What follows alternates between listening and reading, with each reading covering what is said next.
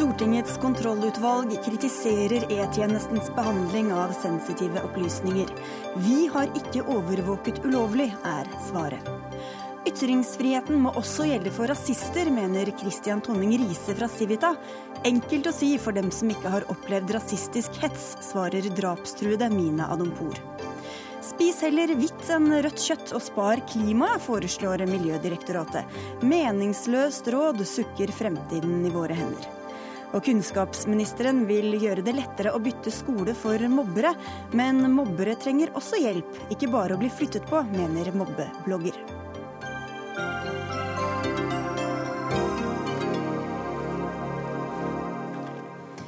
Vel møtt til ukas første Dagsnytt 18 på NRK P2 og NRK2, der vi også skal til Sør-Sudan. Jeg heter Sigrid Solund. Etterretningstjenestens rutiner for å lagre sensitiv informasjon om nordmenn er tvilsom. Det mener Stortingets kontrollutvalg, som har undersøkt E-tjenestens hemmelige arkiv. I dag overleverte utvalget en melding til Stortinget om kontrollen av E-tjenesten. Og hva fant dere i denne saken, Elbjørg Løver, du er leder av EOS-utvalget? Ja, Vårt fokus var å undersøke om E-tjenesten hadde registrert eh, personopplysninger uten eh, grunnlag i lov og regler. Og det fant vi ikke som et system, men vi fant noen avvik på sensitiv informasjon om kilders familie, altså nærstående.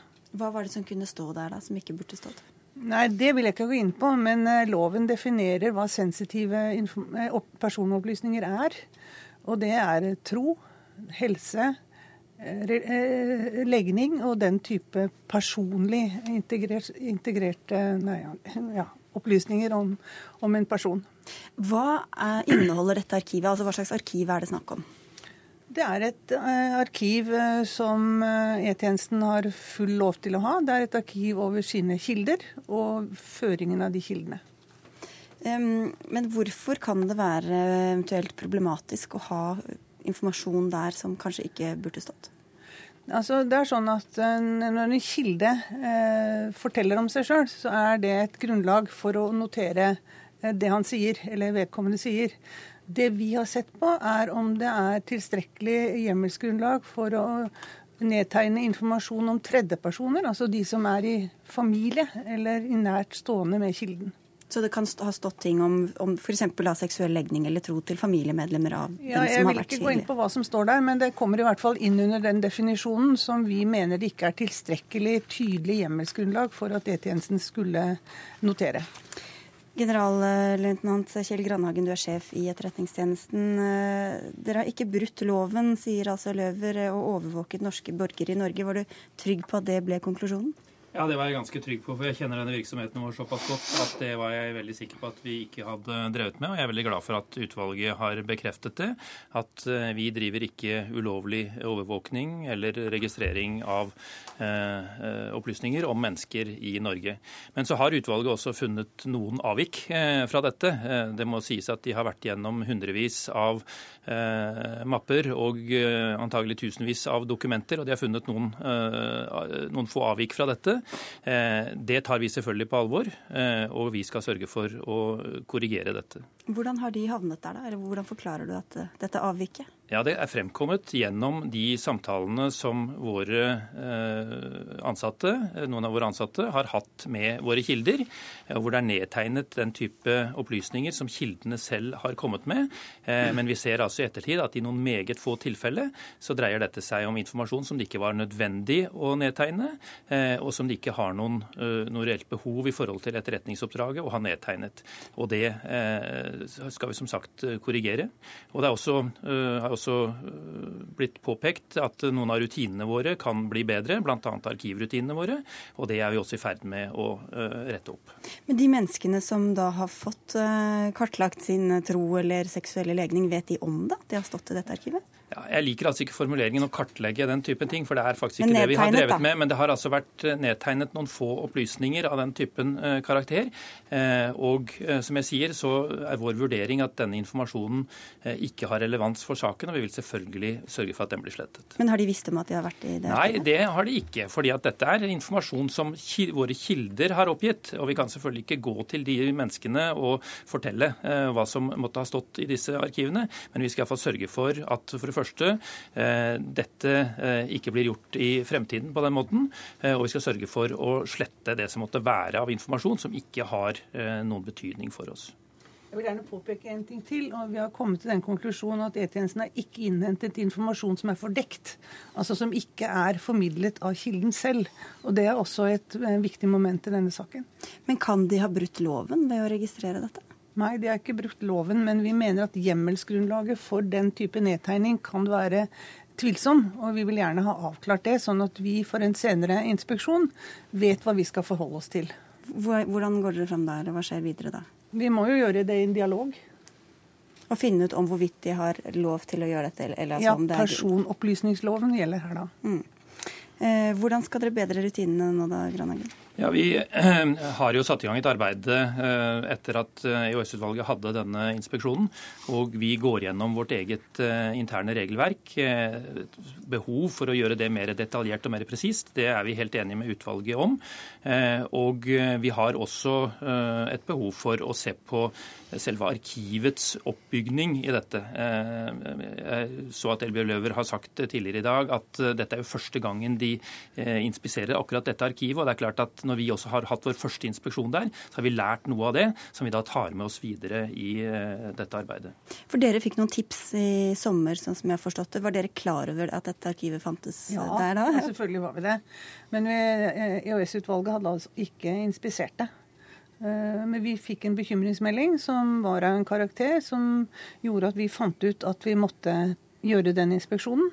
Og den gjorde vi i første omgang uanmeldt. Og det betyr at eh, vi fant arkivet og systemet sånn som det var. Men det er ikke nødvendigvis et første poeng for oss å straffe noen for at de har gjort noe feil. Poenget for oss er at ting blir bedre. Og når Granhagen nå sier at de forbedrer sine rutiner, de legger til rette for innsyn i arkivene på en ny måte, så har vi for så vidt gjort noe som er, eh, går i riktig retning.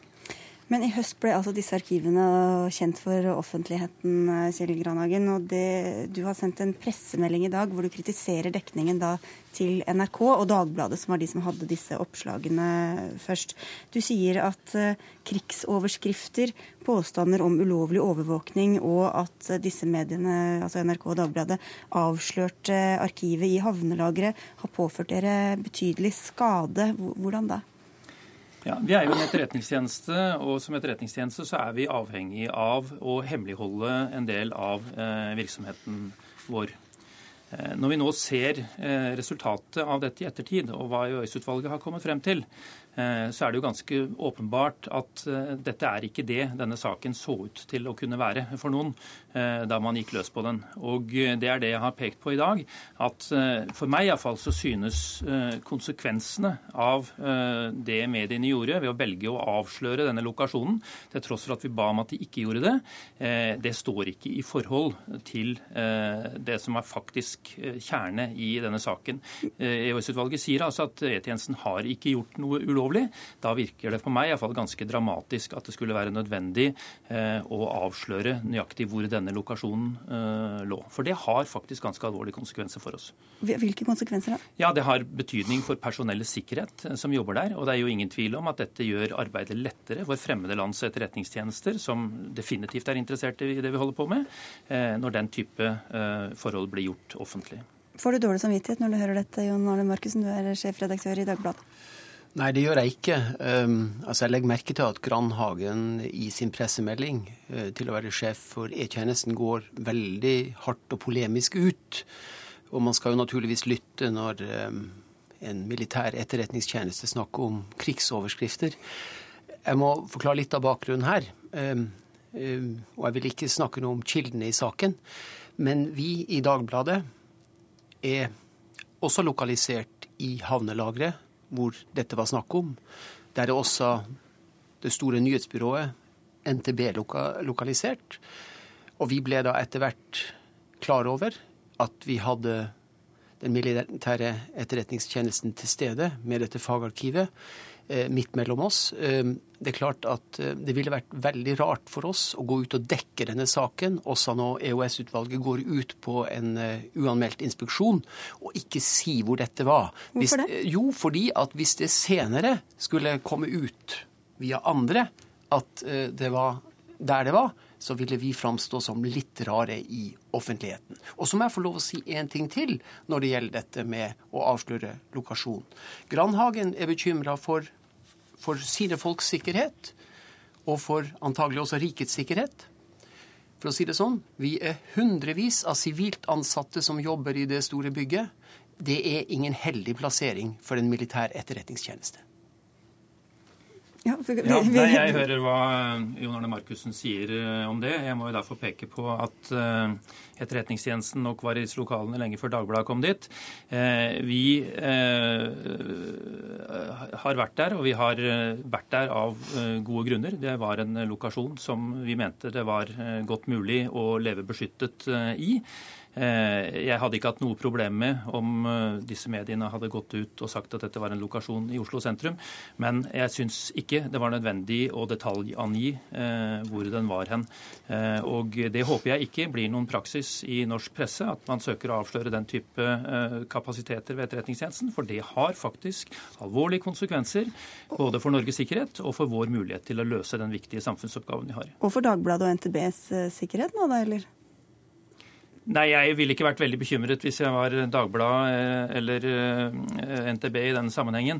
Eh, de har jo vært vel kjent med at de har vært i en lokalitet hvor Forsvaret har vært tungt representert tidligere. Så vi har vært en av mange av Forsvarets virksomheter som har vært der. Markusen? Um, kan jeg få lov å bevege meg til andre aspekter ved dette? ja, med den nyheten som vi har fått i dag. Um, det er jo ikke det er jo ikke veldig vanlig at vi får en særskilt melding fra EOS-utvalget. Det er svært uvanlig, faktisk. Og jeg oppfatter det, min fortolkning av det, er at der ligger det også et alvor når det kommer en slik melding. Og jeg oppfatter det vel slik at EOS-utvalget e over en viss tid, dette kan jo Løver kommentere, men at det er litt vanskelig at Grandhagen, som skal bli kontrollert, faktisk er den som også får lov å langt på vei sette premissene for hvordan han skal bli kontrollert. Ved går... denne kritikken, mener du? Nei da, med, med, med, dette, med, dette arkivet. Altså i hvilken grad er det demokratisk kontroll med dette arkivet? Det er mitt spørsmål. Ja, Da får vel du svare på det, da? Ja, Det er jo en demokratisk kontroll vi utøver. Og det at vi gir den ut som en særskilt melding, har ikke noe med alvorlighetsgraden i det vi fant å gjøre, men det har noe med den store dimensjonen som dette oppslaget fikk. Og vi valgte å lage det som en særskilt melding for ikke å vente helt årsmeldingen til mars-april. Og det var derfor vi gjorde dette på denne måten. Ja, Kranagensen. Jeg vil understreke at, eh, at de uh, påstandene som ble etterlatt etter at denne saken var omtalt for fire måneder siden, den har også vært en betydelig belastning for våre ansatte. Uh, det er altså helt vanlige mennesker som, som uh, utøver en samfunnsplikt og gjør en, en formidabel jobb hver eneste dag. Og de har altså ikke drevet noen ulovlig overvåkning. Og det, og det at, at, det ble hengende over dem, det er meget beklagelig. og Derfor er jeg meget glad for at dette ikke ikke behøvde å vente til våren med å uh, bli avklart. Vi må straks avslutte, men du skal få siste ord her. Marken. Jeg må få lov å si det at uh, Grandhagen polemiserer her mot en påstand som vi ikke kjenner oss igjen. Vi avslørte at det var en inspeksjon av dette arkivet, og vi har vært meget nøye med redaksjonelt hele tida å si at det er ikke vi som skulle avklare om dette var ulovlig eller ikke, det skulle EOS-utvalget gjøre. Og nå har de gjort det, og takk skal dere ha for at dere kom til eh, Dagsnytt 18. Elbjørg Løver fra EØS-utvalget, generalløytnant Kjell Grandhagen fra E-tjenesten og Marksen fra Dagbladet. Takk. Hør Dagsnytt 18 når du vil, på nettradio eller som podkast. nrk.no – dagsnytt 18.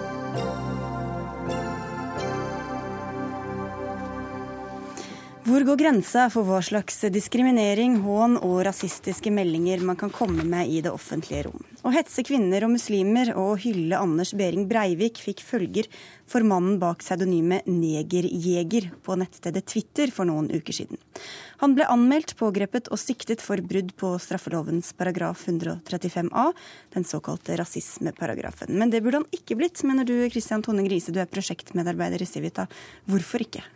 Nei, Det er fordi at, eh, at jeg mener at ytringsfrihet er en, er en, verdi i seg selv. Og ytringsfriheten mister egentlig mye av sin verdi hvis ikke den også forsvarer rettighetene til, til, de, til folk som ytrer de meningene som vi liker aller minst. Men så mener jeg også at det er en annen dimensjon med ytringsfrihet som vi ofte glemmer i den debatten. Og det er jo at ytringsfrihet handler ikke bare om retten til å si noe, det handler også om retten til å, til å høre det som blir sagt, og retten til, til å, å reagere på det. Og Det er jo problemet når man sier at det er politiet og at det er myndighetene som skal ha ansvaret for å håndtere denne type ytringer. Så fratar man jo egentlig hver og en av oss eh, retten til å høre disse ytringene og reagere på den. For jeg mener at det er et moralsk ansvar å ta et oppgjør, eh, oppgjør mot eh, rasistiske holdninger som hver og en av oss burde føle, men det er ikke noe som det skal være opp til politiet og rettsvesenet å håndtere. For du skriver i Aftenposten at tvert imot burde dette vært sterkere vernet, disse ytringene? Ja, det skriver jeg, og det, og det, det er jo nettopp eh, Og det er det jo ikke i dag. så det er bl.a. rasismeparagrafen har jo legger noen begrensninger på ytringsfriheten i dag, som gjør at bl.a mannen bak denne Twitter-kontoen kunne straffes for det. Så, så, har vi jo andre begrensninger, det er viktig å si det òg. Du har jo altså Personsjikane er, er, ikke lov, oppfordring til vold er ikke lov, trusler er ikke lov. Det reguleres av, av andre paragrafer enn rasismeparagrafen, så det vil, også, det vil også være kriminalisert eh, om man fjerner rasismeparagrafen. Men hovedpoenget er at, eh, er at man kan ikke ha et system der, eh, der, har, der, det blir en rettighet ikke å føle seg krenket. Så det er ikke noen rettighet ikke å bli såret i et, i et liberalt samfunn. Mina Adampour, du er altså leder i Ungdom mot rasisme. Hva tenkte du da du leste kronikken hans? Jeg tenkte jo at det å veie ytringsfriheten opp mot paragraf 135a, som populært blir kalt rasismeparagrafen, ikke er lett farvann å være i. Men Eh, det å si at dette skal gjøres om til en prinsipiell ytringsfrihetsdebatt, blir feil. Fordi eh, ytringsfriheten er eh, sterkt beskyttet og ivaretatt av Grunnlovens paragraf 100. Jeg tror at Christian Riise antageligvis er en som aldri har opplevd rasisme på kroppen. Det har vår ungdom. og det skal selvsagt ikke være et argument for at han skal ytre det han ønsker i denne debatten. Men det er ikke slik at vi har et slags eh, meningssensur eh, rådende i Norge, eller et system som man kaller det, som ikke tillater ytringer som er forkastelige å komme frem. Senest nå fredag, eh, under nok en morsom episode av Nytt på Nytt, så eh, kom filmskaper Ulrik Rolf Imtiassen med en svært usmakelig kommentar da det ble fremlagt at Netanyahu ikke ønsket å delta i Mandelas minneseremoni for det kostet for mye. Så sa han da er det, er det nå ikke skal komme med en gjerrig jødespøk. Ja, nå, er, nå, er, ikke han her, Nei. så nå får vi la det hvile litt. Men du kan få svare, Tonje Grise, som aldri selv har opplevd rasisme. Ja, det er selvfølgelig helt riktig at, at jeg aldri har opplevd det. Og det er klart at jeg er veldig eh, veldig ydmyk overfor de opplevelsene som både som Mina og andre har hatt. Og Jeg tror ikke at jeg på noen måte kan, kan sette meg inn i, i, hvordan det føles å ha opplevd det. og Derfor sier jeg også at det er et moralsk ansvar som vi alle må ta, og, og sørge for at vi får minst mulig av, av den type, type fremmedfrykt og hat. Men det er jo det er, jo, det er, ingenting, det er ingenting som tyder på at at forbud mot rasistiske ytringer har noen effekt på mengden rasisme i et samfunn. Det har man veldig dårlig eh, empiri på. Noen av de, de regimene i verden som jo har, har, eh, vært, eh, som har gjennomført noen av de verste overgrepene basert på, på f.eks. på etnisitet, og har jo nettopp vært land som har, og regimer som har hatt ganske strenge regler mot rasistiske ytringer. Og Jeg tror Det er jo et, det er et paradoks, for å nevne det. Altså, I USA så har man jo hatt eh, har jo rasistiske ytringer hatt et juridisk vern siden 1789. Der har du nå fått en, en svart president som ikke bare blitt valgt, men også blitt gjenvalgt. og Det er samtidig som hatkriminalitet går ned. I Europa, som har veldig strenge regler mot dette, har vi jo ennå ikke hatt en eneste svart president eller statsminister, etter det jeg kan, eh, kan erindre. Uh, nå bruker ikke jeg betegnelsen svart på mennesker, heller ikke hvit. men og jeg vil også bare poengtere at Kristian eh, kunne for all jeg vet ha opplevd rasisme, for rasisme går begge veier. Eh, også overfor majoritetsbefolkning og etniske nordmenn. Men til det han sier nå sist, Til det han sier? Jeg, jeg tror ikke det altså, at hudfargen på et individ og som et statsoverhode sier noe om rasismetilstanden i et land. Nå skal Europarådets kommisjon for rasisme og intoleranse, som da har en helt annen standard for å måle rasismeutbredelsen i et land, granske Norge i 2014. Det ser vi frem til. Vi vet nå fra den siste tids debatt at det er mye som ulmer i den norske debatten. Og jeg blir litt provosert når Christian sier at dette er noe samfunnet kan ta seg av. Fordi Eh, da vi fikk et innspill i norsk rasismedebatt for en liten stund siden, som Christian kalte unyansert i sin debatt, fra Sverige, så var det ingen som plukket opp den tråden og forsvarte de ressurssvake gruppene i samfunnet som det ble generalisert over en lav sko overfor.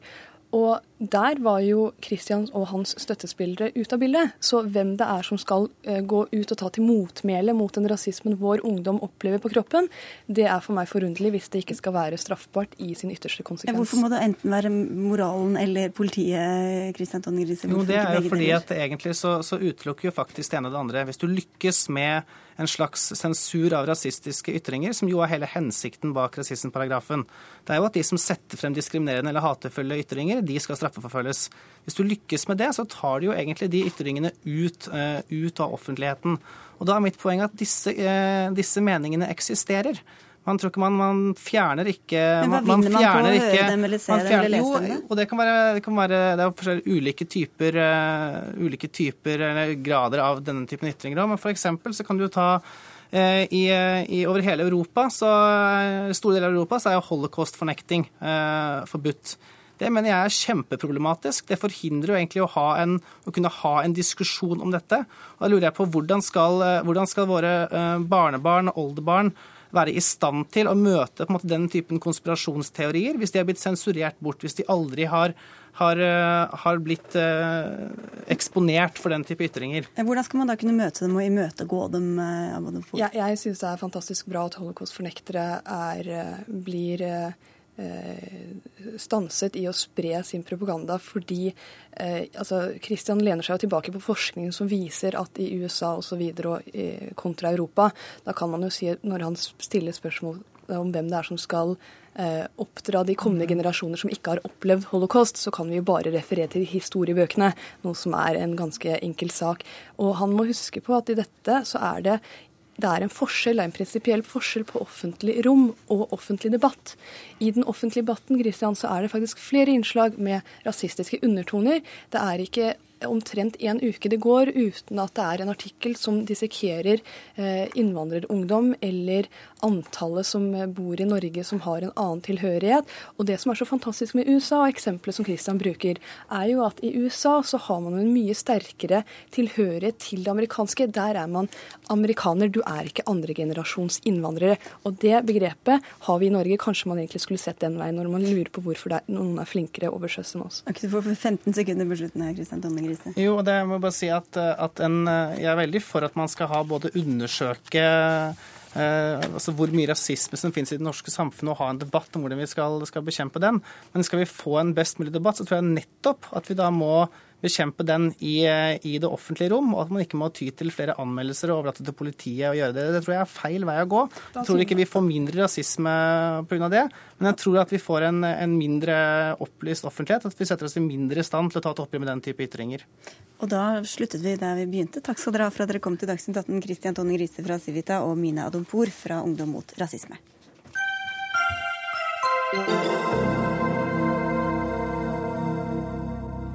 I Sør-Sudan var det kraftig skyting i hovedstaden Juba i natt, og i dag sa president Salwa Kiir i en TV-tale at han har slått ned et kuppforsøk. Flere ambassader i landet har innført portforbud for sine ansatte. Og Devian, du er spesialrådgiver i Sør-Sudan for Kirkens Nødhjelp, og du kom hjem derfra rett før helgen. Hva var det du så der? Jeg har reist rundt i Sør-Sudan i flere uker nå, og det jeg ser er en befolkning som er lei av at politikere på toppen spiller dette maktspillet som setter deres håp og forventninger til side. Det er en veldig forventning i folk om å, om å høste eh, fruktene av fredsavtalen, eller av den nye nasjonen som ble skapt for to og et halvt år siden. Og det de nå opplever, er maktspill på toppen. Hva, hva er det som skjedde etter, etter fredsavtalen? Eh, ja, nasjonen Sør-Sudan er to og et halvt år gammel. Så har de kommet inn i en, for først en veldig forventning i befolkningen om den freden som er vunnet. Så kommer de inn i en nasjonal krise med tap av oljeinntekter. 98% av inntektene til den nye staten er oljebasert. De mister hele denne inntekten ut av en konflikt med Sudan. Eh, dette setter et veldig press på politikerne, som må lønne eh, sikkerhetsstyrker. 60-70% av nasjonalbudsjettet er sikkerhetsbasert, altså politi og sikkerhetstjenester. 2,5% er helse. Så denne uh, ulike fordelinger av, av, av, er, er, et stort nasjonalt problem. Og, og, så var det altså skyting i natt. og Hva var det som ledet opp til det, og hva er det som har skjedd siden? Det har over lengre tid nå utspilt en, en maktkamp på toppen i, i SPLM, det eneste partiet i Sør-Sudan. Eh, det er en, en, en maktgrupper rundt eh, tidligere leder John Garang, rundt Riyak Machar, som har vært en, en maktfaktor i Sør-Sudan over lengre tid, i flere tiår, og da Salwa Kiir. Eh, hvor Riyak Machar i sommer utfordret ledelsen av partiet. Han ville altså ta over ledelsen av partiet. Han ble tilsidesatt. Eh, det er flere også sentral, sentrale politikere som nå er tilsidesatt i løpet av de siste ukene. Eh, det skulle vært en eh, konferanse i går, en partikonferanse, som skulle på en måte begynne en, en, en dialog. De møtte ikke opp, eller de, ble, de, gikk ut fra denne konferansen. Så var det et skudd, eller det har vært en skyteepisode i en sammenheng, og dette har eskalert. Og så gikk altså presidenten eh, på TV og holdt tale i dag i full eh, militæruniform. Hva sier det deg? Det er et eh, signal om at han ønsker å kontrollere. Han tar på seg den gamle militæruniformen, en, en, en uniform som viser at han, dette slår han hardt ned på. Det er militærmakt. Eh, og, og de, han sier at dette er et kuppforsøk som da skal slås ned med alle midler. Og de som er skyldige i dette kuppforsøket, de skal tas og stilles for loven. Men Vet vi om det er et kuppforsøk, da? Nei, situasjonen er veldig uavklart, og, og, det er mye som tyder på at det kan være en, en, en, episode som eskalerte og kom ut av kontroll, og altså ikke nødvendigvis et kuppforsøk. Jeg tror et kuppforsøk eh, fra de det gjelder, altså Riyak Machar og Rebekka Garang og Pagan Amom, sentrale politiske ledere, ville bli veldig negativt oppfattet både i befolkningen nasjonalt og i det internasjonale miljøet. Det er ikke noe godt sjakktrekk. Eh, og jeg tror ikke Jeg har også hatt direkte kontakt i dag med biskop Paride, som altså Kirkens Nødhjelp støtter mye forsoningsarbeid i Sør-Sudan nå. Og biskop Paride, som er en av de sentrale fredsforkjemperne, snakket med Riyak Machar senest i går kveld, og Riyak Machar lovet da å ikke bruke våpen. Det var dialogsporet, det er forhandlinger. Det var dette sporet han lovet. Så det, det er mye som tyder på at uh, Riyak Machar selv ikke har interesse av å, å iscenesette et kuppforsøk på mm. dette måten. Men det er misnøye med presidenten. Han blir bl.a. beskyldt for å være diktatorisk eh, i sin uh, væremåte. Eh, må huske at igjen Sør-Sudan er verdens ferskeste land, det er verdens ferskeste demokrati. De kommer ut av en situasjon med 30 års krig, og de skal lære å håndtere politisk uenighet med eh, noe annet enn våpen. Det er en veldig veldig vanskelig nasjonsbyggingsprosess der inne. Vi ser jo i Afrika at det er ikke mange frigjøringsbevegelser som har klart denne overgangen fra frigjøringsbevegelse til politisk ledelse i land etter land. Vi har hatt tro på at Sør-Sudan skal kunne klare det, og jeg tror ennå de kan klare det hvis de kan bruke denne situasjonen som har oppstått, konstruktivt, kritisk, til å skape noe, en, en, en ny runde med dialog. Og det er det folk vil ha, som du snakker med der nede? Folk er veldig lei av maktpolitikere som, som spiller uh, forventninger utover silen. Og må vi huske, nå nærmer det seg jul i Sør-Sudan. På samme måte så har de en forventning om å kunne feire jul i fred. Og dette er faktisk en viktig anliggende for folk flest. At uh, julebudskapet om fred og forsoning gjelder også oss i Sør-Sudan. Odd Evjen, takk skal du ha for at du kom til Dagsnytt 18.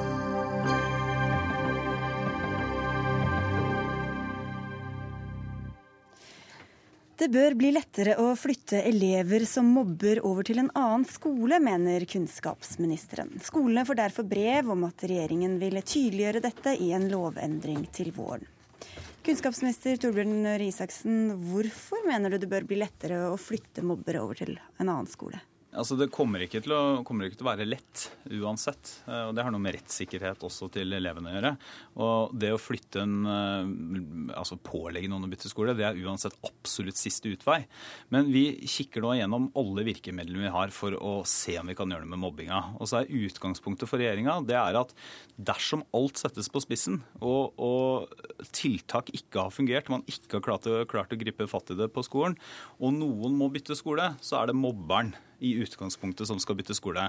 Og Det gjør vi helt konkret gjennom at det er en paragraf i opplæringsloven som vi kommer til å Den regulerer i dag, altså muligheten til å pålegge noen å bytte skole. Der kommer vi til å presisere at det gjelder også i alvorlige mobbesaker. Men Hva blir det annerledes enn i dag, da, i praksis? Det som blir annerledes, er at det blir veldig tydelig at skolene har mulighet til å bruke den lovparagrafen i alvorlige mobbesaker. Så kan det hende at vi er nødt til å gjøre enda mer, eh, og det må vi vurdere underveis. Men vi har vært opptatt av å, å snu alle steiner, så dette er et lite bidrag. Men igjen, altså. Eh, I det øyeblikket noen må bytte skole, så har jo egentlig mobbinga gått altfor langt, og egentlig situasjonen har eskalert ut, og, ut av kontroll. Men bare for å spørre, Får da de nye lærerne og elevene vite at nå får du en mobber inn i, inn i klassen? Uh, nei, altså dette er, dette er, strengt regulert i dag gjennom det lovverket som er. Så dette er jo da bare en presisering av lovverket, men som allikevel sender et viktig signal om at det er i utgangspunktet sånn at hvis alt settes på spissen, så er det mobberen som skal bytte skole, ikke den mobbede. Og at skolen har anledning også til å bruke det i, i de tilfellene. Kristin Admeier, du er forfatter og fagansvarlig i Unicef Norge. Hvor god hjelp er det i å flytte mobberen da i siste instans? Jeg mener at det er feil ende å begynne i. Eh, jeg skjønner at intensjonen er gode, og rettferdighetssansen vår også tilsier at det er det som må skje når situasjonen er helt fastlåst. Men det er viktig at vi har en helhetlig tilnærming for å skape et godt miljø, og at vi husker på at det er to parter faktisk som skal ivaretas. Og at fokuset mener jeg må være eh, på å gripe inn så tidlig som mulig, sånn at det faktisk er mulig å gjenopprette praksis og endre barnas atferd. Der må vi legge inn støtet. Og jeg synes det blir å starte i feil ende og diskutere hvem som skal flyttes, når vi trenger så mye mer kunnskap og ressurser knytta til alt det arbeidet som ligger før mobbingen blir så alvorlig. Hva kan skje med den som mobber, da, hvis man blir flytta til en annen skole? Det er klart at eh, det barnet står i fare for å bli stigmatisert, eh, og har et forklaringsproblem på hvorfor det blir flytta. Og det er også dramatisk å rykke et barn opp fra nærmiljøet sitt. Og jeg tenker at det barnet selv om det har mobbet og vært med på noe som vi voksne oppfatter som galt, så er det en høy pris å betale for et barn som faktisk fortsatt har en mulighet til å bli noe annet enn mobber. Eh, de har fortsatt framtida foran seg, og vi må sørge for at de barna får den hjelpa de trenger, sånn at ikke mobbingen har en funksjon lenger, og at de faktisk fungerer bedre i sosialt samspill sammen med andre. Jeg er helt enig i at hvis, hvis, dette hadde vært det eneste tiltaket regjeringa hadde kommet med, eh, og vi hadde sluttet her, så hadde det vært eh, sørgelig lite eh, og feil enn å starte i. Så vi trenger, vi må gjøre mer for god klasseledelse, tydelige regler på skolen, rammer.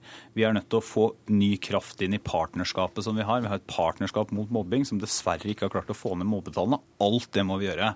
Men så er det samtidig sånn at noen ganger eh, så, så, kan det hele settes på spissen. Så kan det være sånn at i unntakstilfeller så har det gått så langt at noen kanskje må bytte skole, eller at skolen ser på det som siste utvei lokalt. At vet du hva, her må noen flytte. Og da syns jeg det mest hjerteskjærende det er når jeg får e-poster eller hører historier fra mennesker som har blitt mobba, som forteller at jeg måtte bytte skole, jeg hadde blitt mobba. Eh, og Dette er et signal ut i skolen om at skolen har mulighet til dette må vurderes lokalt, men skolen har mulighet til da å pålegge elever å bytte skole av hensyn til de andre elevene, også i alvorlige mobbesaker. Trond Giske, du er utdanningspolitisk talsperson i Arbeiderpartiet. Hvor god løsning syns du dette er? Altså, jeg er jo helt enig i at hvis noen må bytte skole, eh, mobbeofferet eller mobberen, så er det mobberen som eh, må bytte. Men jeg er enig i det som blir sagt her, at dette har uh, liten effekt, og at det er å begynne i feil ende, og at det i verste fall blir en hvilepute. Fordi at uh, jeg tror at når vi får historier om at mobbeofre og foreldrene føler at det er nødvendig å bytte skole, uh, så er ikke det fordi at alternativet var å flytte mobberen. Det er fordi at skolen og kommunen har svikta i sin oppgave i å ta tak i mobbesituasjonen. Eh, og det er her du må gjøre jobben. Det sier jo eh, Torbjørn Røe Ja da, og derfor er liksom, tiltaket er helt greit, men jeg tror litt irrelevant. Eh, for det du trenger, det er 430 kommuner, eller mange, mange det som tar tak i sine skoler Signerer manifest mot mobbing som vår regjering laga, som forplikter alle til å forebygge til å ta tak i mobbesituasjonene og til å løse dem på en ordentlig måte. Det handler om klasseledelse, det handler om foreldreinvolvering, det handler om kompetanse. Det er gjort mye forskning på eh, mobbing de senere årene. Vi vet mye mer. Og blant annet En ting vi vet, er at det er sjelden én mobber. Det er ofte tre mobbere som står bak eh, plaginga av, eller utestengninga av én eh, person. Så her er det mye mer komplisert enn å si at la oss flytte mobberen. Det er helt annet enn å begynne å jobbe. Men Kan det være aktuelt å flytte flere mobbere, da, hvis det er en sånn altså, gruppe som mobber? Dette, det, den lovhjemmelen gir skolen anledning til å flytte elever av hensyn til de andre elevene. Eh, og så må man bruke det som alle skoler gjør, med lokalt skjønn. Og så er jeg helt enig med, med Trond Giske i at, eh, at her er det veldig mange andre ting som er mye viktigere. Eh, det var jo Kjell Magne Bondevik som i sin tid ordentlig altså Det er mange som har vært opptatt av eh, mobbing. Så løftet Bondevik det Eh, da han var statsminister, inn. Og så tror jeg frustrasjonen for alle oss som driver med politikk, og alle ute i Skole-Norge, det er at det skjer jo så utrolig mye bra arbeid ute på skolene. Det er mange gode historier om det. Men allikevel så ser vi at på tallene så er det like stor andel av elevene som sier at de går til skolen hver dag, gruer seg, har klump i magen, som blir mobba i dag som det var for fem, seks, sju år siden. Så med andre ord så er vi nødt til å gjøre noe annet, eller mer i hvert fall, enn det som har blitt gjort. Må høre med deg, Oddmar. Alle er altså enige at eh, flytting er siste, det siste man forsøker. Men hvordan tror du det kan være for en som har blitt mobba, hvis man også opplever at en som kanskje er mer populær, da, må flyttes fra klassen eller fra skolen pga. deg? Eh, jeg har snakket med foreldre som har barn som har vært i den situasjonen, og som har opplevd hevn fra de gjenværende elevene, som har vært denne mobberens medløpere, som vi kaller det. Som har vært med å applaudere og sørge for at denne mobbingen har hatt en funksjon. Eh, og dette barnet, Det er ikke noe automatikk i at i det øyeblikket man flytter mobberen, så er problemet løst og statusen til den som blir mobbet, helt annerledes. Eh, det er en lang vei å gå for å løse situasjonen for den som blir igjen, og som har blitt mobbet også. og Det er det viktig at vi husker på. Og jeg jeg, synes, jeg savner også ofte når man diskuterer dette her, at det er viktig også å huske på at noen faktisk har god erfaring med å flytte barnet som blir mobbet også. At det barnet får en ny start. Slipper å ha det hengende ved seg at det er et mobbeoffer. Fordi mobbingen har den funksjonen at det ofte etablerer sannheter som ikke har rot i virkeligheten om et barn. Eh, og for enkelte barn så kan det faktisk være det beste å slippe det og få lov å etablere seg på nytt og bli sett som det hele mennesket det faktisk er. Det, det, er også en mulighet. Dersom de som har foreldre, og foreldrene til den som blir mobbet, ønsker å bytte skole, så burde det være noe som kommunen ser på med den største velvilje.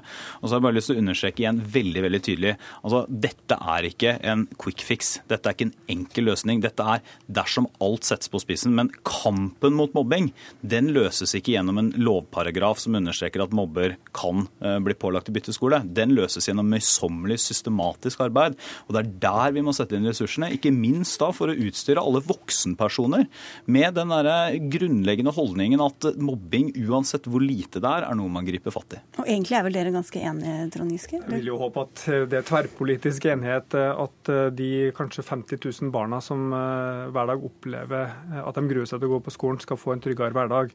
Eh, og jeg er helt sikker på at også dette forslaget er absolutt i beste eh, mening. Men jeg tror at hvis vi som er rikspolitikere skal bruke litt mer pisk, så er det faktisk overfor de kommunene som ennå ikke har gode nok systemer for opplæring, kompetansebygging og tiltak mot mobbing. Vi må ha det rett og slett dypt i hjertet vårt, både som lokalpolitikere og rikspolitikere og ansvarlige voksenpersoner at nok er nok. Det må ta slutt. Og hvis vi har tydelige voksne og tydelige systemer og bygger på den forskninga og kompetansen som er, så kan vi faktisk gjøre livet til mange er, tusen barn bedre. Det er regjeringa også mer enn villig til. Ja, du har, du har to innflytelsesrike herrer. Du kan få gi et siste råd her, Kristin Admaier. Ja, og vet du hva? Jeg tror at uh, nøkkelen som vi sitter på, det er foreldregruppa. Foreldregruppa må i mye større grad involveres i arbeidet mot mobbing. De må både inviteres, men de må også ansvarliggjøres. Og jeg tror mange foreldre er klare til å ta i et tak, men dessverre Dessverre så er ikke dette etablert på alle skoler. Eh, og foreldrene må rett og slett ta større eierskap til denne viktige, viktige kampen, altså. Du kan få si Trond Giske, hva du skulle ønske dere hadde gjort i løpet av de siste åtte årene som dere ikke fikk gjort. Jeg tror vi skulle vært enda tøffere med eh, skoleeierne og sagt at eh, det skal være et pålegg til alle kommuner at man skal ha systemer for kunnskapsbygging, for det som sies her, foreldrekontakt, eh, hvor alle involveres, alle voksenpersoner som kan sette stopp for mobbinga. Og her synes jeg vi bare legger, burde legge all partipolitikk til side. Så vil jeg si at hvis Arbeiderpartiet har gode forslag, så er jeg mer enn lydhør for det, og uavhengig av hvilket parti det kommer fra. Takk skal dere ha, Torbjørn Røe Trond Giske og Kristin Admaier, for at dere tok eh, denne debatten i Dagsnytt 18.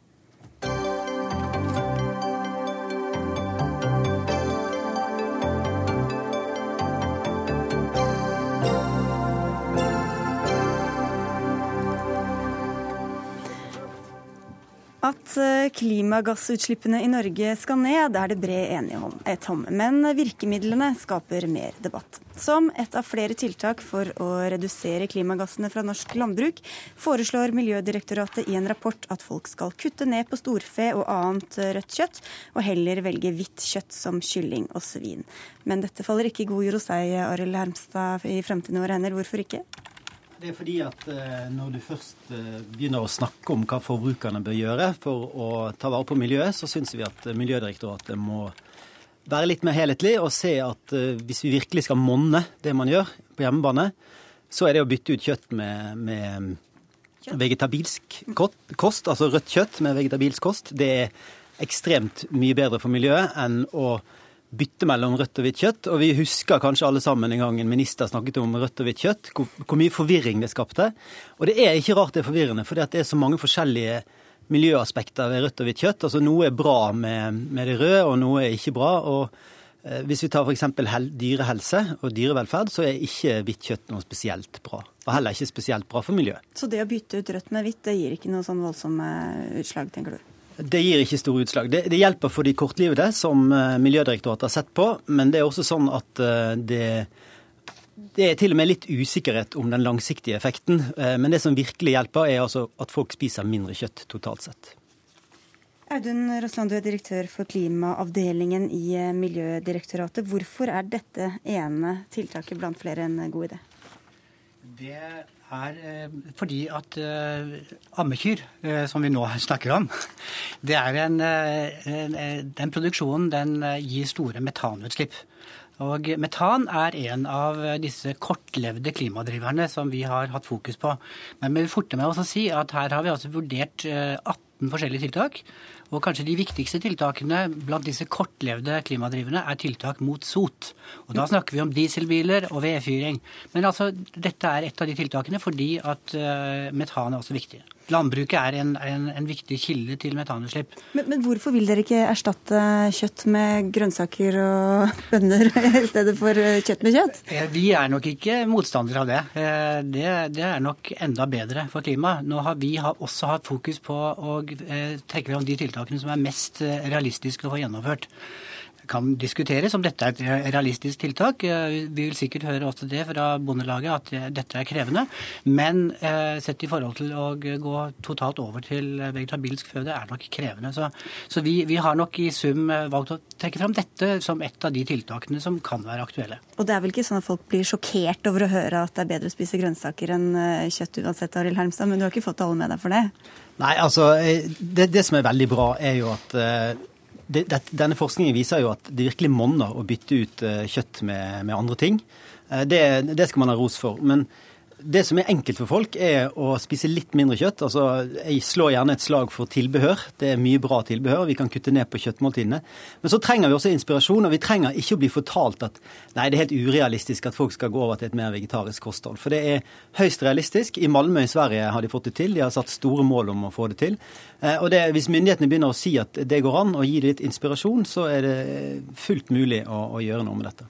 Nils Bjørke, styreleder i Norges Bondelag. Du er halvveis introdusert allerede og du mener at dette forslaget om hvitt eh, foran rødt ikke vil kutte klimagassutslippene. Hvorfor ikke? Jeg syns det er en voldsomt teoretisk tilnærming til dette. Jeg tror det er lurt å bruke litt sånt bondevett når en skal regne på dette. Eh, mye av ammekuproduksjon i Norge bruker areal som ellers hadde grodd til. En klarer å utnytte en ressurs som ikke er til antall til dyrefôr, og kan omdanne det til menneskemat. Altså man kan ikke dyrke korn der i stedet for uh, Mye av dette arealet er enten ikke egnet for korn, eller en har valgt å dyrke dyrka gress på det nettopp av klima- og miljøhensyn, så en skal slippe avrenning og slike ting. Og det er viktig, skal en eh, se verdensbildet om matproduksjon, så det er viktig å klare å bruke de arealressursene som ikke kan bruke til andre ting. Omdanne de til mat til mennesker. Og så er jeg jo helt glad i Hermstad at å bruk Norge er òg flinke til å dyrke grønnsaker. og Bruk godt med grønnsaker inntil kjøttet, da blir det ekstra godt. Og Godt med poteter og godt med grønnsaker, det gjør det godt. Det er sånn matblogg her i dag. Men spiser vi for mye rødt kjøtt i dag, da? Problemet i dag er jo at vi produserer altfor lite rødt kjøtt i Norge i forhold til det vi forbruker i Norge. Sånn at vi faktisk nødt til å importere ganske mye av dette. her. Eh, det som vi kan ta en diskusjon på, er klarer vi å produsere enda mer på, på beite og grasressurser, og mindre, mindre på kraftfôr. Det kan være en interessant diskusjon. Men jeg tror det er viktig å klare å bruke ressursene. Ikke minst av å holde oppe kulturlandskapet, ta vare på biologiske mangfoldet som er i kulturlandskapet. Det er en viktig del som en er nødt til å bruke sau og storfe for å gjøre. Men det er ikke noe dere har tatt hensyn til, Russland? Eh, jo, indirekte har vi gjort det. men jeg er veldig enig i at eh, det å utnytte grasressursene i Norge, det er viktig. Eh, og det er den måten eh, store deler av det norske jordbruksarealet kan bidra til å brødfø en verden. Så, så, det er helt klart. Men det er et tankekors at veldig mye av kjøttproduksjonen i Norge, og ammekyr i særdeleshet, bruker mye kraftfôr. Du bruker faktisk like mye kraftfôr. Så de går ikke bare og gresser på Nei, koselige enger? Nei, de gjør ikke det. Og de, de spiser faktisk like mye per kilo kjøtt som de produserer, kraftfôr, som gris og fjørfe. Og det er et tankekors. Altså, det er jo det store problemet at vi blir mer og mer avhengig av å importere soya for å, fyre, eh, for å fôre både gris og, eh, og kyr. Og det, hvis vi virkelig var opptatt av å få, ned, eh, altså få opp matproduksjonen i verden og bidra til å hjelpe de fattige, sånn at de kan få, få, mer mat, altså at verden kan produsere mer mat, så bør nordmenn spise mindre kjøtt. Og det, det motsatte skjer. Vi spiser mer og mer kjøtt for hvert år som går. og den omleggingen som Rossland og Miljødirektoratet tatt til orde for, det, det betyr jo da at vi skal fortsette å spise mer og mer kjøtt. Og det er en veldig dårlig miljø i det. Det som er viktig, er å klare å produsere mer på norske ressurser. Og Bondelaget har jo et helt klart mål om at vi skal klare å produsere mer av råvarene til norske dyr. Og produsere mest mulig på norske da? ressurser, slik at vi klarer å gjøre det. Men, men da spiser vi mer rødt kjøtt også, da, hvis vi produserer mer? Nei, Problemet i dag er at vi må importere så store mengder. Sånn at å klare vi å dekke markedet, så trenger vi ikke ha noe øke i forbruket. Jeg vil, jeg vil mer ha sagt det er viktigere at forbrukerne virkelig setter, vare, setter, pris på det kjøttet de har, og passer på å kaste mindre, sånn at en får mindre svin, så kan det være med å få ned forbruket. For det er trist når flotte varer ikke blir brukt til det de skal gjøre.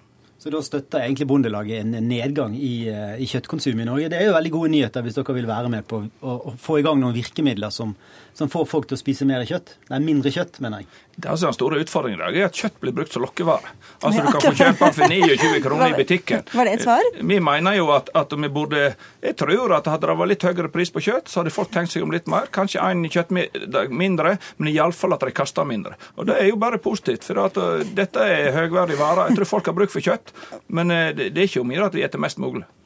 Jeg, synes jeg er veldig enig med hva, hva, Bjørke sier her angående å kaste mat. Det er kanskje det er et av de mest eh, effektive eh, tiltakene. Men når du sier kjøp hvitt kjøtt i stedet for rødt kjøtt, altså det kan jo hende at glansbildet ikke er akkurat det som vi ser av den kua som går og beiter, men allikevel så har de det tross alt bedre eh, lam og kyr kanskje enn det kyllingene har, da, som dere anbefaler. Ja. Vi har jo ikke sett på de tingene som du nå sier, så det, det, en, en helhetlig vurdering vil kanskje også tilsi at vi skal gjøre andre vurderinger det som bare understreker, det vi har gjort, det er å presentere en, en illustrasjon på et tiltak som kan gjennomføres, muligens. Men, men, men poenget er at landbruket står for 50% av klimagass, av metanutslippene i Norge. Og et eller annet sted må man begynne, og eh, kanskje dette er et sted. Kanskje man skal gjøre det som, som, herren, eh, som Arvid sier, eller kan det være andre? Men hadde de virkelig miljødirektoratet vist det, så hadde de gått inn for støtta litt av biogassanlegg som landbruket faktisk vil bygge opp, der du kan ta ut mye av den metangassen. og Da kan du i tillegg fått en miljøvennlig drivstoff. Så hvis det virkelig var vilje, så burde myndighetene støtta eh, flere biogassanlegg. Nå er vi inne på noe litt annet. ja, men dette gjøres jo til en viss grad. Eh, men problemet er jo bare at volumet, så lenge volumet skal øke av alle disse kjøttslagene, så, så, hjelper de teknologiske tiltakene ganske lite på vei. Men tror du det blir litt sånn at vi har hørt eh, at det er sunt å drikke litt rødvin, og så beholder vi liksom helgefylla, og så blir det litt det samme, nå fortsetter vi å spise rødt kjøtt, og så tar vi litt sånn kylling i tillegg? Det, dessverre så er det jo det vi holder på med nå. Uh, kyllingkonsumet det eksploderer, det øker formidabelt. Og vi har ikke kuttet så mye ned på det røde kjøttet uh, som det vi har økt de andre kjøttslagene med. Så, så i, sånn sett så foregår jo noe av den omleggingen som Miljødirektoratet snakker om allerede. Men jeg hadde forventet at Miljødirektoratet når de først skulle ut og gi råd til forbrukere, så bør de ha mer helhetlige analyser før de kommer med sine anbefalinger. Får bli neste rapport, det der. Det var ikke sant. og du skal ikke kose deg med pinnekjøtt i år, Ermstad? Nei, i år skal jeg på Østlandet. Det blir nok ribbe. fordi eh, det det, det syns jeg er en fin skikk. Men tilbehør slår jeg gjerne et slag for. Det er veldig bra. Men det er jo ingenting som skikkelig pinnekjøtt fra høgfjellet da, til jula. det er trist når feil på Østlandet. To på pinnekjøtt og én på ribbe. Ja, men det var veldig fint å få en oversikt. Takk skal dere ha for at dere kom til Dagsnytt 18.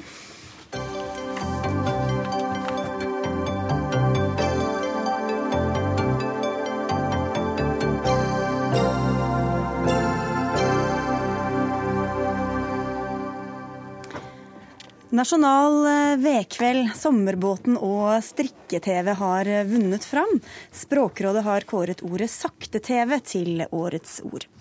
I tillegg havner ord som rekkeviddeangst, bitcoin og gråblogg på lista over det norske språkets ti nye ord. Men hvorfor kom eh, sakte-TV helt øverst på lista, Ole Våge, du er seniorrådgiver i Språkrådet? Ja, Vi syns det er et eh, godt ord. Det er et eh, kreativt og artig ord. Og det viser at det er behov for en sånn type ja, sekkebetegnelse for slike TV-programmer. Og det har også bredd, eh, nådd andre land? Ja, det som er interessant her er ofte at vi, når vi importerer eh, kulturfenomen fra utlandet, så får vi gjerne et engelsk ord med på kjøpet. Reality-TV. Men her er faktisk opphavet norsk, og da har vi fått et fint norsk ord. Sakte-TV. Men kommer det også fra utlandet? Altså, vi kan jo eh, huske slow food f.eks. Er det relatert? Ja, det er det nok, altså. Fordi vi har den slow-rørsla eh, som stammer fra utlandet, vel egentlig fra Italia.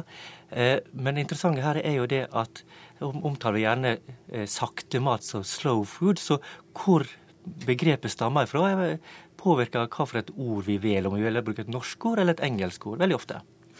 Dette er altså en liste over ti ord som dere presenterer. Ikke alle er like kjente. Rekkeviddeangst, f.eks. Hva er det for noe? Ja, Det er et artig ord, det også. Det er en slags ja, bekymring for eh, at eh, elbil, som elbilsjåfører har for at bilen ikke skal nå fram til ladestasjonen før batteriet er flatt. Så for elbilbrukere så er dette et veldig godt, godt begrep? Da. Ja, og faktisk Norsk Elbilforening har jo kurs i rekkeviddeangst. Helene Uri, du er forfatter og språkforsker og professor. Er det noen av disse ordene som du bruker? Rekkeviddeangst, har du det? Nei, jeg har mer sånn eh, generell kjøreangst. Jeg, så jeg nei, kjører ikke elbil. Blå-blå, selvfølgelig. Blå-blå regjering, det, ja, det har jeg brukt. Mm -hmm. ja. Mm.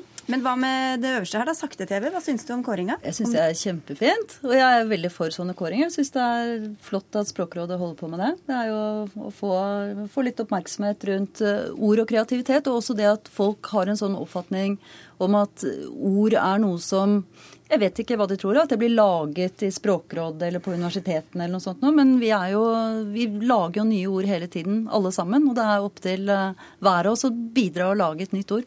Vi får se på noen av de andre ordene dere har eh, kåret her. Da. Gråblogg, hva er det for noe?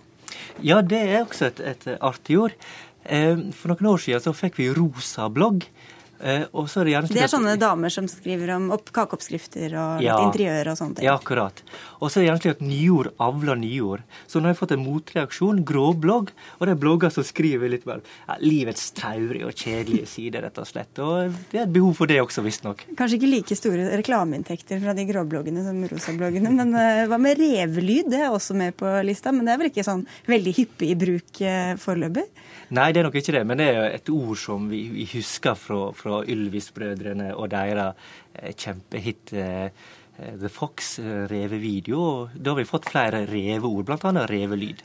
Og bitcoin er med på lista, hva er det for noe? Ja, det er litt annerledes ord. Det er en slags type nettvaluta som, som etter et hvert har begynt å prege nyhetsbildet, spesielt i høst. Eh, og det er en slags type valuta som, som rett og slett bare finnes på internett. Hva er kriteriene når dere velger ut ord til denne lista? Ja, det skal være ord eh, av nyere dato. Det kan gjerne være noen få år, år, gamle, noen år gamle. Men det er i år, altså i 2013, at det har festa seg i språket. Og så bør det være gjerne kreativt og gode språklige kvaliteter. Og så til slutt så mener vi at, det, at det ordet det gode grunnen til at ordet vil feste seg i språket, altså at det ikke er språklige døgnfluer, rett og mm. slett. Mm. Helene Uri, hvilke ord tror du vil feste seg i det norske språk og leve lenge? Jeg har tro på sakte-TV. Det har jeg. Og så har jeg tro på Jeg tror jeg, jeg har tro på betalingsmur. Altså det fenomenet at man må betale for å f.eks. få tilgang på uh, aviser på nett. Det, det har jeg tro på. Men ikke rekkeviddeangst, eller? Nei, kanskje litt mindre rekkeviddeangst. Det er veldig morsomt, da. Det er jo helt klart det morsomste ordet på listen. Men altså for meg så virker nok det, det er litt for konstruert. Og så blir jo kanskje. batteriene bedre og bedre. Ja, det er det også, det har jeg også tenkt på. Ja. Ja. Men generelt, hva skal til for at ord eh, kommer inn i språket og blir tatt opp av folk? Altså, hva som skal til for at et ord blir brukt av folket, det er jo utrolig vanskelig å, å forutse. og Man vet jo ikke, og det hender jo, det hender jo at man tar feil. Så jeg tror det er litt sånn som med moter ellers i verden, at det er vanskelig å forutsi dette her med slengen på bukser og skjørtelengden. Altså det, det, det er det, går, eh, det blir mote også det, om man begynner å bruke et ord. Og om det sprer seg, hvis det begynner å spre seg på sosiale medier, blir brukt i aviser og sånn, så har du mye større sjanse for å bli, bli, i språket. Men mange av disse, eller jeg tror noen av disse her, tror jeg er døgnfluer. Altså det er litt vanskelig å si at revelyd kanskje er et nytt ord, men jeg er vel ikke sikker på om det er noe som kommer til å bli brukt så hyppig i 2017 f.eks. Det er jeg ikke sikker på. Men dere, dere lager disse listene hvert år. Hvilke ord er det som blir værende, da? Ja, det, er som du sier, det er vanskelig å vite, egentlig. Om vi går ja, la oss si ti år tilbake i tid, så, så finner vi nyord som ja, eh, tankesmie og ballbing og surrogati. Men i, i, dag bruker vi helt normalt uten å tenke over at det faktisk var nyord for veldig kort tid siden. Og if, ja. Motemolo, for, eksempel, for catwalk, det slo jo aldri helt gjennom. ikke sant? Så det er jo ikke, det er ikke alltid det gjør det. Ja, hvilke ord trodde dere at yes, nå har vi funnet noe som virkelig kommer inn i språket? Men så bare døde det igjen. Ja, Vi, vi kan jo gå ett år tilbake i tid. Da har vi en lignende kåring. Eh, og da kårer vi naving, og det har jo blitt i språket. Det blir brukt ganske mye. Men vi tok med smartskole, og det så jeg nå at det har nok ikke slått an eh, særlig.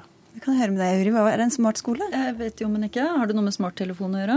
Ja, språklig er jo det. Og det, smart jeg blir jo, Vi danner veldig ofte ord med smart som forledd, som betyr høyteknologi. Så det var egentlig en, en høyteknologiskole, altså gjør bruk av digitale verktøy i undervisninga. Men Du snakker også om motord, Helene Uri, at man f.eks. bruker lunsj i stedet for formiddagsmat. eller altså Noen ord tar over for andre. Hva er det som gjør, eh, skaper de trendene, eller liksom, som, som gjør at noen dominerer? Altså, Hvis vi ser på nye ord, så er det jo gjerne to kategorier. Eh, og Det ene er at vi får nye fenomener, sånn som mange av disse eh, ordene på denne listen. Eh, men det andre er jo det at det kommer nye ord for fenomener som vi fremdeles har, og der vi også har gode, gamle, eksisterende ord. Og Det er jo et eksempel altså at man da heller, Det er veldig få som spiser formiddagsmat. Nå spiser man stort sett lunsj. Og hva som gjør det? Igjen, det jeg tror jo det er et ønske om å høres litt kul ut og være litt med, og det høres litt mer fresht ut. Altså, jeg tror ikke det er så lett å forklare det på noe, på noe annen måte. Men det smerter deg litt som språket. språkperson? Altså, jeg syns jo formiddagsmat er veldig fint, da. Men eh, altså, sånn som nå i tekstmeldinger. Eh, jeg ringer om fem. Jeg ringer om tre. Ikke sant? Det var ingen som skrev det for fire år siden. Da skrev man alltid om tre minutter, om fem minutter. Så det, det sprer seg, og så viser man at man er med må høre på til slutt her, Er det et nederlag for dere hvis ingen av disse ordene er i bruk om, eh, om ti år? Nei da, det er det ikke. Det, er jo litt uhøytidelig kåring det her også, med, med søkelys på språk. Så det vil jeg ikke si, altså. Men det overrasker meg om ingen av eh, eksisterte om eh, ti år, f.eks. Men dere har ikke sånne interne veddemål? En kasse vin til den som treffer best. God idé. ok, Takk skal dere ha for at dere kom til Dagsnytt 18. Ole Våge, du er eh, seniorrådgiver i eh, Språkrådet, og Helene Uri, forfatter, språkforsker og professor. Har du innspill til sendingen vår, kan du sende en e-post på dagsnytt18 alfakrøll nrk.no. Du kan også gå inn på radio.nrk.no for å høre denne og tidligere sendinger, og høre radio både direkte og det som har gått. Vi er tilbake i morgen igjen eh, klokka 18 på NRK P2 og NRK2. Ansvarlig for denne sendingen var eh, Magnus Bratten. Teknisk ansvarlig var Guri Finnsveen, og jeg heter Sigrid Elise Solund.